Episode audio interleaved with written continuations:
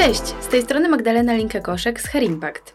Witam Was serdecznie w podcaście Let's Talk About Her Money, powered by Santander Bank Polska. Dziś rozmawiam z Piotrem Tukendorfem. Piotr jest CFA, portfolio managerem, pracuje w zespole doradztwa inwestycyjnego Wealth Management Santander Bank Polska. Piotr jest także doradcą inwestycyjnym i zarządzającym aktywami. Od 15 lat jest związany z rynkiem kapitałowym. Wyznaje zasadę, że inwestowanie to jeden z najbardziej efektywnych sposobów oszczędzania. Zawodowo najchętniej inwestuje w instrumenty udziałowe oraz doradza w zakresie funduszy inwestycyjnych. W dzisiejszym odcinku porozmawiamy z Piotrem na temat tego, czym jest oszczędzanie, a czym inwestowanie. Dzień dobry, bardzo mi jest miło i bardzo się cieszę, że zgodził się Pan wziąć udział w dzisiejszej rozmowie. Dzień dobry, witam Państwa. Dzisiaj chcemy porozmawiać na temat oszczędzania i inwestowania. I tak naprawdę jest to taki temat, myślę, bardzo ciekawy, bo po pierwsze jest teraz też inflacja, więc dzieje się dużo i dużo ludzi myśli o tym w ogóle, jak zacząć oszczędzać własne pieniądze i czy może nie warto tych pieniędzy, które odkładamy, zacząć jakoś inwestować, czyli pomnażać. I tak pomyślałam, że żeby przybliżyć ten temat, to może zacznijmy od oszczędzania, bo to wydaje się chyba jednak łatwiejsze. E proszę nam trochę powiedzieć więcej na temat tego, kiedy jest dobry moment, aby rozpocząć w ogóle mm, oszczędzanie. Ja myślę, że dobry moment jest, jest zawsze i wręcz oszczędzanie powinno być takim e, stałym elementem naszego obchodzenia się, się z pieniędzmi, które e, często ciężko, ciężko zarabiamy, a rzeczywiście no, nie zawsze obchodzimy się w sposób e, do końca właściwy. No, te środki, które my wypracowujemy, to generalnie co do, co do zasady są przeznaczane w, powiedzieć, w trzech kierunkach, czyli na bieżącą konsumpcję, pokrywanie wydatków, drugi filar to jest właśnie oszczędzanie i trzeci to jest inwestowanie, więc to są powiedzmy te, te trzy drogi. No i to oszczędzanie jest, jest taką formą, e, formą powiedzmy najbardziej konserwatywną. Ona ma, ona ma służyć takiemu odłożeniu pieniędzy na tak zwaną czarną, czarną godzinę, czyli to powiedzmy powinno być te według badań tak się przyjmuje te pomiędzy 6 a 12 miesięcy naszych, e, naszych pokrycia naszych, naszych wydatków, czy też właśnie naszych dochodów, które mamy. Natomiast no, zgodnie ze statystykami z rynku polskiego najwięcej e, właśnie Polaków ma te oszczędności do 6 miesięcy, więc tutaj jest, jest trochę, trochę, trochę jeszcze, jeszcze pod tym względem do zrobienia. No natomiast Właśnie ideą, ideą oszczędzania jest to, że ono jest powiązane z minimalnym, z jak najmniejszym mniejszym ryzykiem. No co, co powoduje, że mm, w tych warunkach, o których Pani wspomniała, tej podwyższonej inflacji, którą mamy w tej chwili, no niestety oszczędzanie nie zapewnia ochrony przed, to, przed tą inflacją. To jest to takie odkładanie na czarną godzinę w postaci właśnie czy trzymania pieniędzy w domu, czy na najbardziej płynnych lokatach bankowych. Natomiast no, nie wypracowuje to takich przychodów, które, które pozwoliłyby w bieżących warunkach y, zachować tą realną wartość pieniądza. No właśnie zastanawiam się, jeżeli mamy na przykład młodą osobę, która zaczyna dostawać powiedzmy kieszonkowe, zacznijmy od takich bardzo młodych tak. osób, to czy już wtedy możemy nauczyć się oszczędzania? Ja myślę, że na pewno. To, to, to jest, tak jak mówię, jak się pojawiają pierwsze pieniądze, to już jest ten moment, kiedy, kiedy zawsze należałoby coś, coś odłożyć, tak? A jeżeli chodzi o oszczędzanie, to czy ma Pan taką jakąś na przykład żelazną zasadę, że powinno się mieć kilka tych koszyków, bo różne, różnie jest to traktowane, tak. jak na przykład może Pan powiedzieć, co się, nie wiem, w Pana przypadku sprawdza, albo jakie są najczęstsze sposoby? To znaczy, jeśli chodzi o samo to oszczędzanie, tak jak powiedziałam, ono co do zasady ma być... Yy, lokowaniem środków w jak najbezpieczny sposób, czy jest to po prostu to trzymanie pieniędzy w domu przysłowiowe, czy na lokacie w banku. Więc tutaj powiedzmy ta zasada e, tej dywersyfikacji nie jest aż tak, aż tak kluczowa. No, depozyty w banku y, mamy gwarantowane do wysokości tam około 100 tysięcy euro, więc, więc jest, to, jest to dość znacząca y, kwota. E, więc tutaj to dywersyfikacja ma przede wszystkim znaczenie przy inwestowaniu, do którego jak za chwilę sobie, sobie oczywiście pewnie przejdziemy. Natomiast jeśli chodzi o oszczędzanie, no to tutaj przede wszystkim ważna jest systematyczność, tak, żeby rzeczywiście starać się e, w tych okresach, czyli powiedzmy co miesiąc, jak mamy te, te przychody, czy z kieszonkowego, czy, czy ze stypendium, czy, czy z naszego wynagrodzenia, żeby to regularnie odkładać i wtedy oczywiście w jakimś tam okresie, okresie przynosi to efekty. Czyli też tak naprawdę ustawienie sobie pewnie jakiegoś przelewu stałego, który po prostu będzie nam zabierał tą kwotę, nie będziemy tego widzieć. No tak, y, przelewu stałego, na pewnie to z pracodawcą, nie wiem, czy można to w prosty sposób tak, tak ustalić, bo on nam przelewa po prostu na nasze Całość. konto.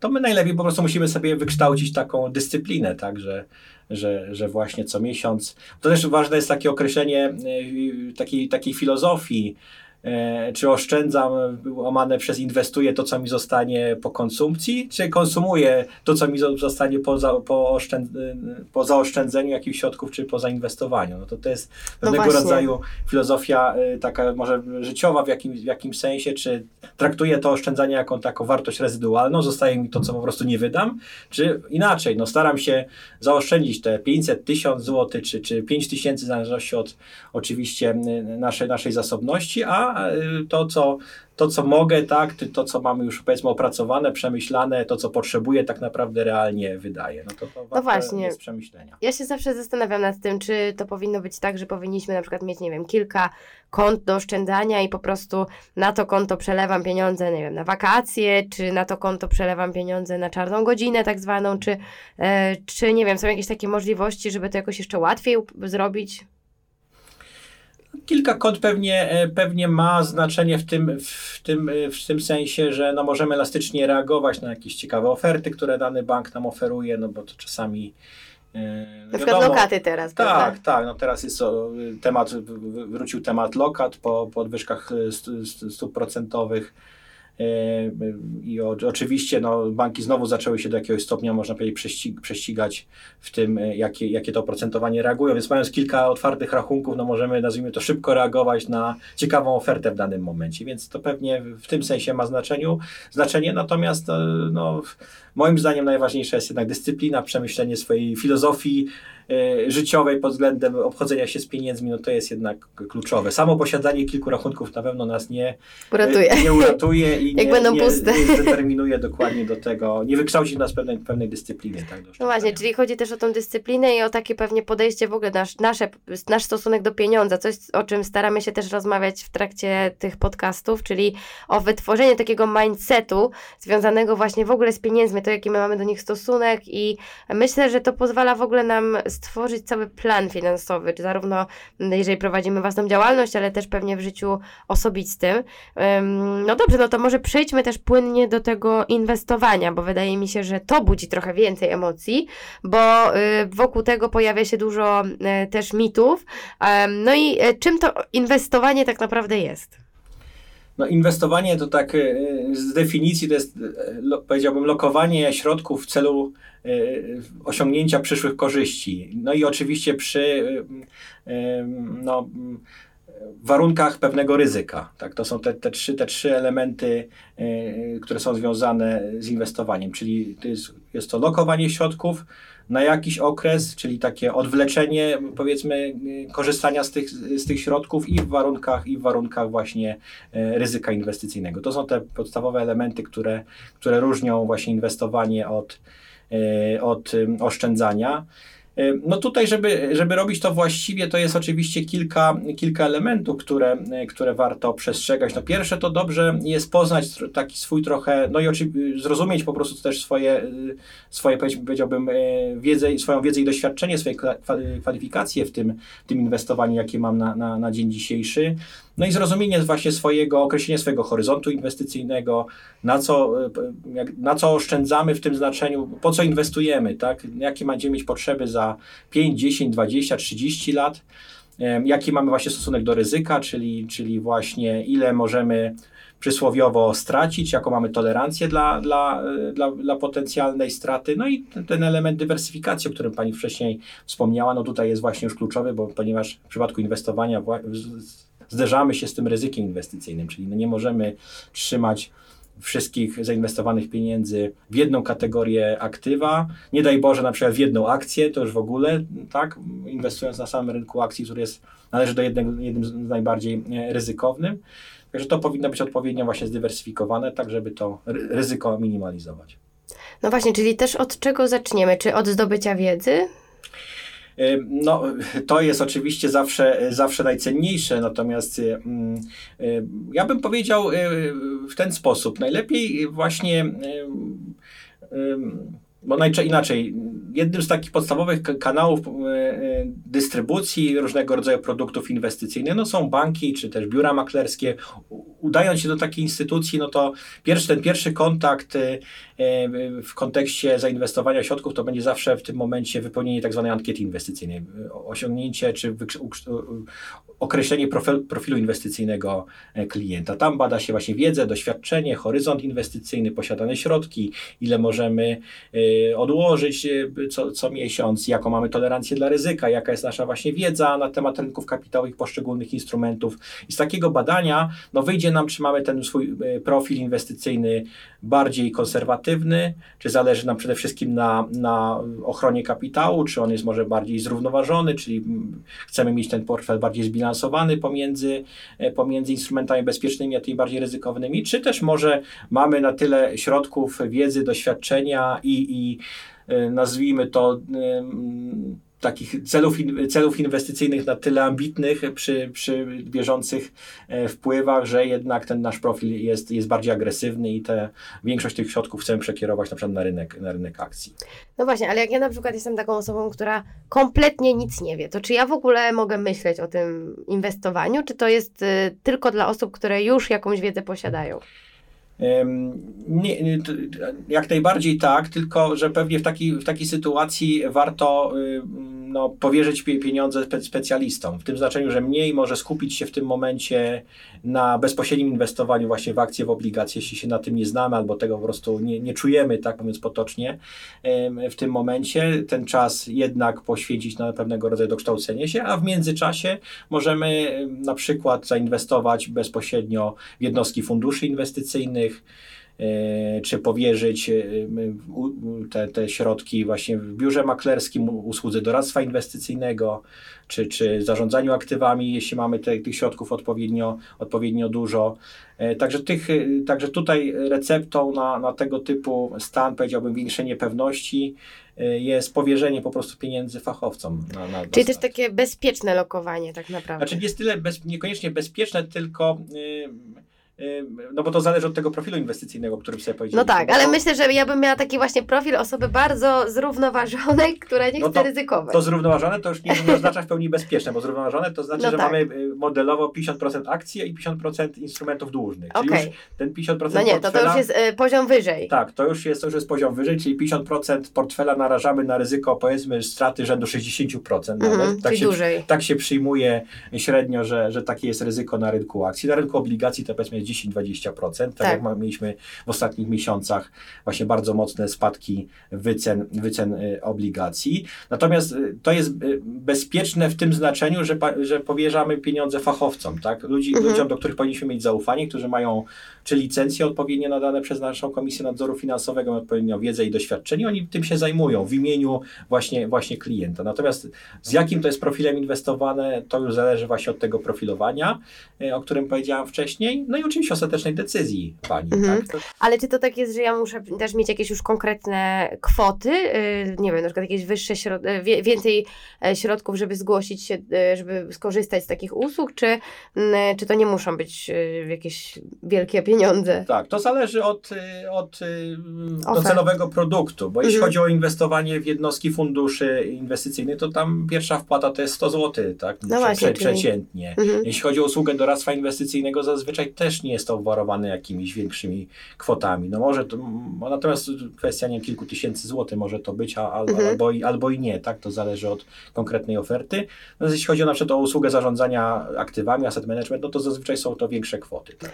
No czyli też takie osoby, które rzeczywiście zaczynają zarabiać pieniądze, zaczynają mieć już jakąś pensję i myśleć o tym, żeby, e, że tak powiem, odłożyć te pieniądze, ale żeby szybciej może uzyskać wyższe, większe kwoty, no to mogą zacząć e, odkładać naprawdę nieduże e, pieniądze, w sensie wkładać właśnie w te czy fundusze, tak, czy, czy obligacje, czy co, co wybiorą. Tak jak powiedzieliśmy sobie na początku, w każdych warunkach zawsze warto, zawsze warto oszczędzać. Nawet jeśli nam się wydaje, że że nas nie stać na, na oszczędzanie, no to jest moim zdaniem iluzoryczne, bo zawsze powinniśmy te przysłowiowe nawet 100 zł miesięcznie, miesięcznie odłożyć bez, bez względu na to, w jakiej jesteśmy w, danej w danym momencie sytuacji. Ja bym e, zaczął właśnie od tego, od tego określenia swojego profilu inwestycyjnego. No bo często jeśli nie pracujemy na rynku finansowym, to właśnie nie jesteśmy, możemy i nie mamy wykształcenia ekonomicznego, no to możemy możemy nie być po prostu pewni. Tak. My wiemy, że coś tam wiemy, no wiadomo, poruszamy się na co dzień e, w tym otoczeniu, które mamy, które jest przesycone różnego rodzaju reklamami, informacjami na temat różnych produktów e, finansowych, oglądamy telewizję, czytamy artykuły w internecie, no zderzamy się z tą wiedzą każdego dnia, ale tak naprawdę no, nie jesteśmy do końca pewni, ile my tak naprawdę nie wiemy. No to to jest właśnie ten dobry moment, żeby ten test naszej wiedzy i doświadczenia wypełnić. No Mhm. i po tym już będziemy wiedzieć, jeśli nam wyjdzie słabo, no to już sami będziemy z siebie wiedzieć, że Czy to ten moment? że, że, że wypada pewnie tę edukację jakoś, jakoś uzupełnić na różne sposoby, o tym też możemy sobie za chwilę powiedzieć. No Albo i, skorzystać ze specjalisty, prawda? albo skorzystać ze specjalisty, tak, czyli, czyli właśnie powierzyć, ale to mając już ten, ten profil, no to właściwie, właściwie możemy już wiedzieć, że jeśli powiedzmy nam wyjdzie na profil bezpieczny, no to powiedzmy wiemy, że Możemy skorzystać z usługi przykład doradztwa inwestycyjnego, gdzie będziemy dostawać te portfele rekomendowane w danym momencie, albo zdecydujemy się, że po prostu no sami jednak ma, mam, wiem, mamy pewne rozeznanie rynku towarzystw funduszy inwestycyjnych, no i chcemy sobie jakieś tam jednostki funduszy, ale skoro mamy ten profil bezpieczny, no to tylko nas interesują na przykład jednostki funduszy dłużnych krótkoterminowych. Mhm. Inwestowanie też budzi bardzo dużo emocji. E, Ja zauważyłam, że wśród e, moich koleżanek, wśród kobiet też to jest częste, że staramy się inwestować raczej właśnie bezpiecznie. E, Czy to jest taki stereotyp, czy tak rzeczywiście jest? Ja nie, ja myślę, że to że tak rzeczywiście jest. Trochę, trochę z różnego rodzaju badań i, i, i właśnie oglądu rynku i, i, i- styczności z klientkami, no to, to, to rzeczywiście daje się to, daje się kilka elementów takich zauważyć. To też z badań e, takich szerszych wynika, że generalnie kobiety nieco, przeciętnie nieco słabiej oceniają swoją sytuację finansową. Pewnie źród- źródeł jest tych, tego, tego kilka, może też e, taka charakterologiczna ostrożność większa, może oczywiście też jakieś różnice e, w dochodach, tak, to tych przyczyn oczywiście może, może być wiele, natomiast tak średnio e, kobiety nieco słabiej e, swoją sytuację materialną w porównaniu do e, mężczyzny e, oceniają. E, d- To, co pani powiedziała, to, to właśnie rzeczywiście jest, jest prawda. Kobiety mają skłonność do, do wybierania, e, pomimo oczywiście dostępności, czyli nawet o, że ten profil inwestycyjny mity, mityczny, o którym sobie powiedzieliśmy, czy nie, nie mityczny, tylko po prostu o którym sobie powiedzieliśmy, e, okaże się, że, że jest wystarczająco wysoki, to mają skłonność do wybierania tych bardziej bezpiecznych strategii. No i też trzecia taka charakterystyka, e, którą, która też z badań e, wynika, jest taka, że kobiety mm, częściej podejmują decyzję o tym, że każdego miesiąca właśnie muszą w sposób zdecydowany czy zaplanowany odłożyć jakieś środki, czyli właśnie zaoszczędzić. Mężczyźni powiedziałbym, że oszczędzają e, przeciętnie, statystycznie częściej w sposób taki rezydualny, czyli to, co nam zostanie po tej właśnie bieżącej konsumpcji, a kobiety częściej e, decydują się właśnie, czy podejmują decyzję o tym, że te przysłowiowe 500 czy 1000 zł co miesiąc muszą odłożyć. Czyli takie sztywne reguły jednak mają. Tak, tak, wynika, tak tego. wynika właśnie, właśnie z badań takich przekrojowych w sektorze, w krajowym sektorze finansowym, że tak, tak Ja bym się z tym zgodziła, bo ja na przykład bardzo często jak przyjdzie wypłata, no to wtedy sobie to dzielę, odkładam, widzę jakby na tych kontach.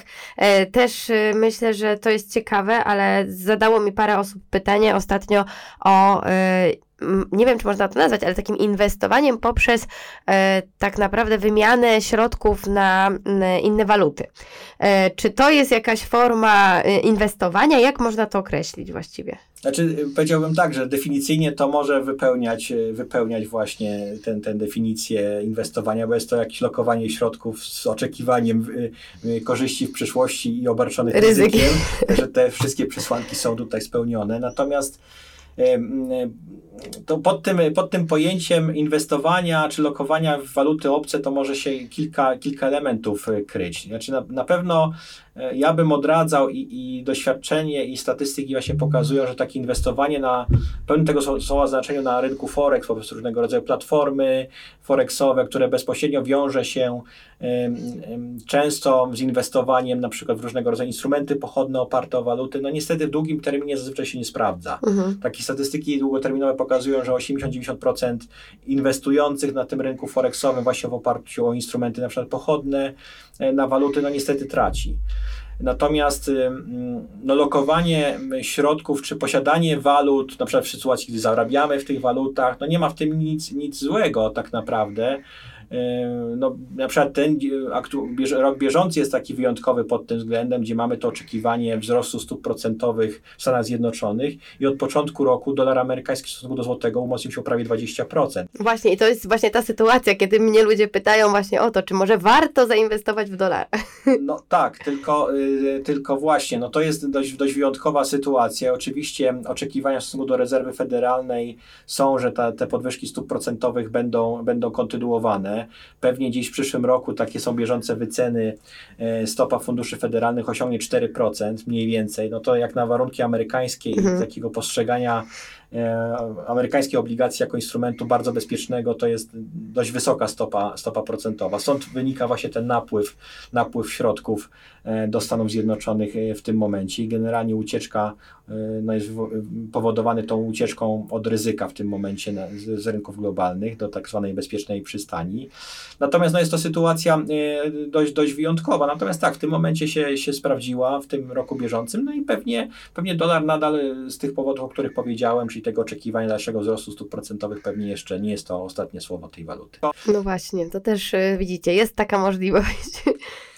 Tak, no y, inaczej, no, samo posiadanie waluty, waluty nie, jest, nie jest złe, natomiast y, no jeśli ktoś wierzy w długoterminowe przewidywanie trendów na rynku walutowych, to ja tutaj pozostałbym sceptyczny. Tak? To, mhm. to trzeba zresztą, jak w każdym odniesieniu do y, instrumentów ryzykownych, trzeba być y, ostrożnym, a waluty należą do instrumentów najbardziej ryzykownych. Bo tutaj no ta zmienność jest zawsze, zawsze bardzo duża. W polskich warunkach, gdzie rynek y, polskiego złotego jest rynkiem dość płytkim i tak naprawdę dość niewielkim kapitałem na rynku międzywalutowym można spowodować duże wahania, takich jeszcze warunkach, gdzie mamy wojnę za, tuż za naszą wschodnią granicą, mieliśmy pandemię, czyli to, ty, dużo tych takich czynników, y, które wywołują sporą zmienność, no tutaj Tutaj trzeba być po prostu zawsze, zawsze ostrożnym. No właśnie, porozmawiajmy trochę o tym, y, o tej edukacji, bo y, teraz wymieniliśmy też czynniki, które są właśnie czynnikami zewnętrznymi, które powodują wahania na rynkach i wydaje mi się, że nie wiem, czy dobrze myślę, ale to tutaj proszę mnie poprawić. Czy inwestując albo rozpoczynając swoją taką, można powiedzieć, przygodę z inwestowaniem, warto, abyśmy rozglądali się, co się dzieje na świecie, czyli orientowali się i może dzięki temu również nauczyli się inwestowania. Jak najbardziej tak, tylko że no, pytanie jest, y, świat jest na tyle y, pojęciem pojemnym, że tak naprawdę nie mając tej podstawowej edukacji, nie będziemy wiedzieć na jakie, na jakie elementy tej, tych informacji Postawić. ze świata po prostu, jakim tym elementom się, się przyglądać, bo tych, tych informacji, ten natłok informacji jest rzeczywiście, rzeczywiście spory. Więc ja bym zaczął od tej takiej, nazwijmy to bardziej podstawowej edukacji rynkowej, którą można realizować na różne sposoby. Y, no, parę na przykład biur maklerskich obecnych na polskim rynku ma bardzo ciekawe strony internetowe, gdzie są te, te, te dość ciekawe takie, e, takie zestawy informacji na temat rynków, poszczególnych instrumentów finansowych, właśnie zrozumienia rynku stopy procentowej, wpływu, e, wpływu stóp, stóp procentowych na wycenę poszczególnych instrumentów. No tutaj tych, tych elementów jest trochę. Mamy też naszą stronę naszej giełdy papierów wartościowych w Warszawie, e, gdzie też są różnego rodzaju informacje, kursy nawet, które, które, które można odbyć. Można sobie założyć no, konto na platformie inwestycyjnej, takie, takie konto demo, gdzie nie, nie, inwestujemy prawdziwych pieniędzy, tylko inwestujemy w sposób taki bardziej, bardziej edukacyjny, więc tych środków e, jest sporo, można zdecydować się na studia podyplomowe, tak, jeśli ktoś ma, ktoś ma taką, e, taką chęć, więc tych, tych, tych dróg e, edukacji jest sporo, jest sporo literatury na ten temat. I od tego bym, bym, od tego bym zaczął, do tego bym zachęcał w pierwszym kroku, no bo tak naprawdę na, na, na początek, jeśli rzeczywiście nie mieliśmy styczności z taką bardziej ugruntowaną wiedzą ekonomiczną, czy właśnie z inwestowaniem, no to nie będziemy po prostu wiedzieć, jakie czynniki, jakie informacje mają tak naprawdę kluczowe znaczenie w podejmowaniu decyzji. Też tak sobie myślę, że niektóre osoby na przykład e, wolą e, decydować się e, na inwestowanie w obszarach, które są im znajome, czyli na przykład interesuje ich medycyna i tutaj będą inwestować na przykład w spółki które e, się tym zajmują, tak? Więc e, też e, ciekawa jestem, jakie jest Pana podejście do tego. No wywołała Pani temat jeden, jeden z najtrudniejszych, bo tak naprawdę inwestowanie w spółki związane z biotechnologią, no to jest tak naprawdę no, największym wyzwaniem. Ja powiedziałbym, że nawet część pracowników w danych firmach tak do końca nie zdaje sobie sprawy nad przedmiotem badań tej, tej, tej, tej firmy, nad zaawansowaniem wiedzy, która ta, ta firma w tym momencie się posługuje i tak naprawdę prawdopodobnie sukcesu tej firmy. Że to akurat... To jest też ryzykowne. Akcje, akcje spółek biotechnologicznych należą do najbardziej ryzykownych. Oczywiście w sytuacji, gdy jest sukces w jakimś danym obszarze terapeutycznym z jakąś substancją, z, wy, z wynalezieniem jakiegoś leku, no to ten sukces przekłada się na wielokrotność wyceny danej spółki, natomiast no, określenie prawdopodobieństwa tego sukcesu um, no, jest praktycznie bardzo trudne albo niemożliwe dla osoby, dla osoby z zewnątrz. Tak?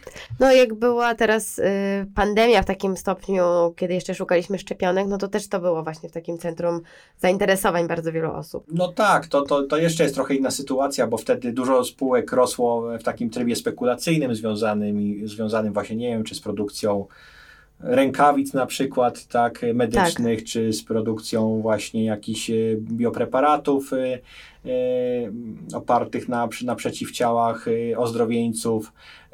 No tutaj tak, no w sytuacjach takich kryzysowych nazwijmy to, no to inwestorzy kupują dość szeroko, dość szeroko spółki związane z, z danym obszarem, które w ich ocenie E, Urośnie. powiedzmy odpowiada na te, na te wyzwania danego czasu. Natomiast też zdaj, zdaj, musimy zdawać sobie sprawę, że są to tak naprawdę takie trochę zmiany spekulacyjne tej, tej wyceny.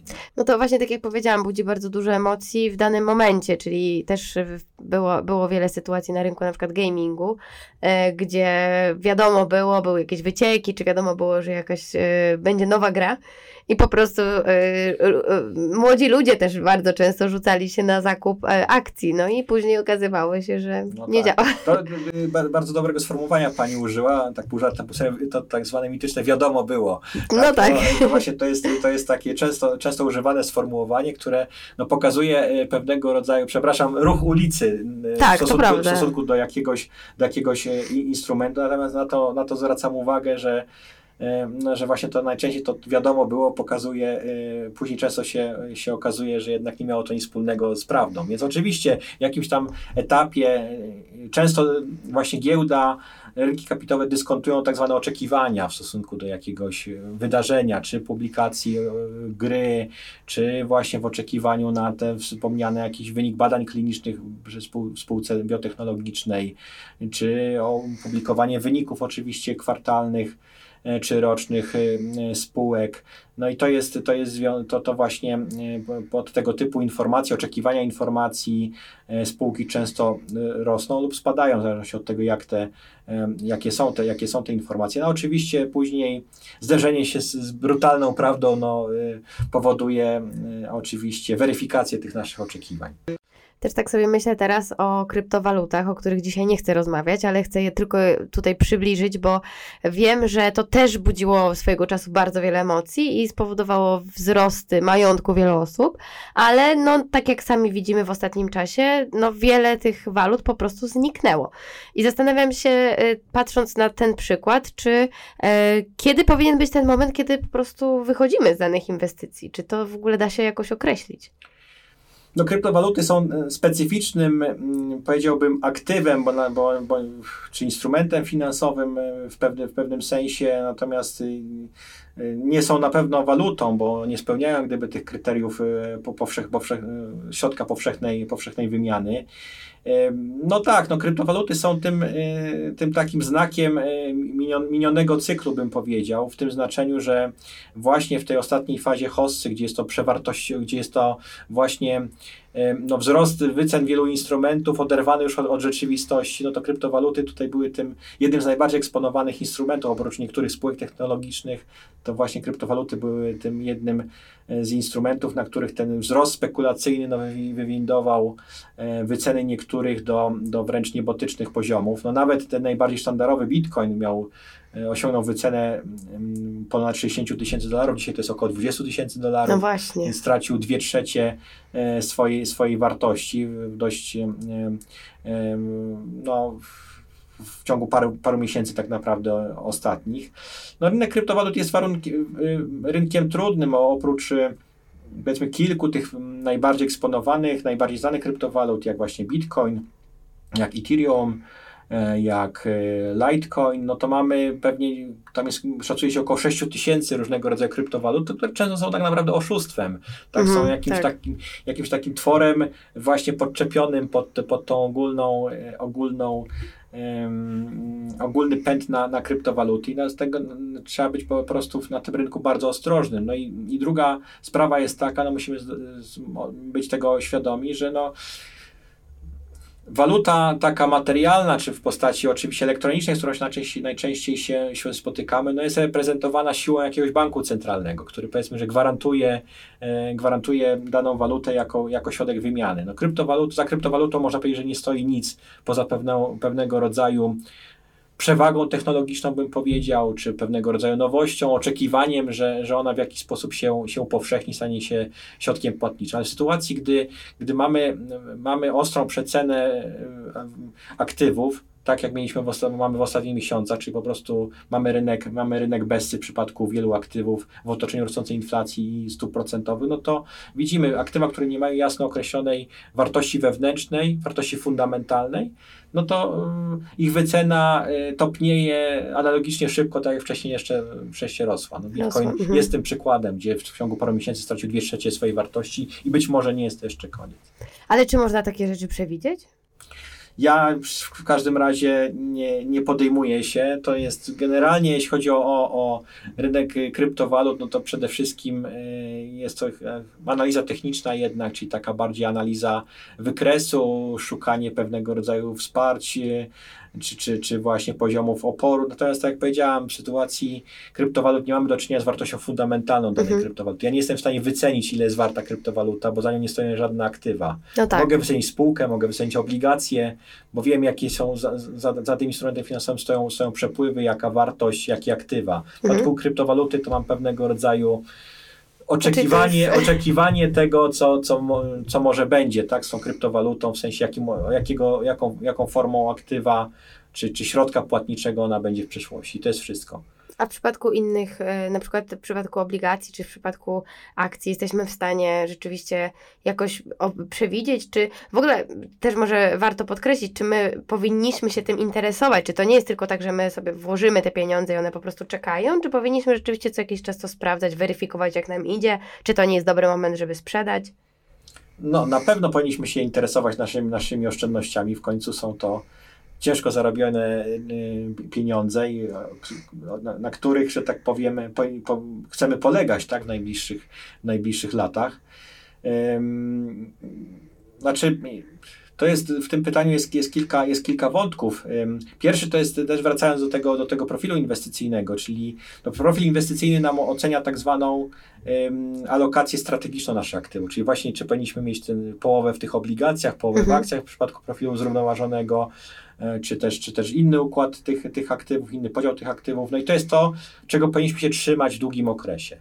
Natomiast jeszcze jest coś takiego, jak powiedziałbym, alokacja taktyczna, czyli powiedzmy co jakiś czas, jeśli mamy, jeśli mamy pewnego rodzaju właśnie wiedzę, doświadczenie, no być może powinniśmy odchylać się od, od, tych, od, tych, od tych poziomów wyznaczonych przez, tą, przez ten profil inwestycyjny. Czyli tak jak mamy w tej chwili, jesteśmy po mocnej przecenie e, wielu aktywów, akcji, obligacji, może w tym momencie, czy za jakiś czas, za pół roku powinniśmy stać się nieco bardziej agresywni, więcej kupić akcji do nas, czy instrumentów opartych o akcje do naszego portfela. Mhm. To jest, są właśnie te takie elementy, e, czy momenty kluczowe na rynku, ale oczywiście no, musimy mieć pewnego, pewną wiedzę i doświadczenie, żeby móc je właściwie rozpoznać.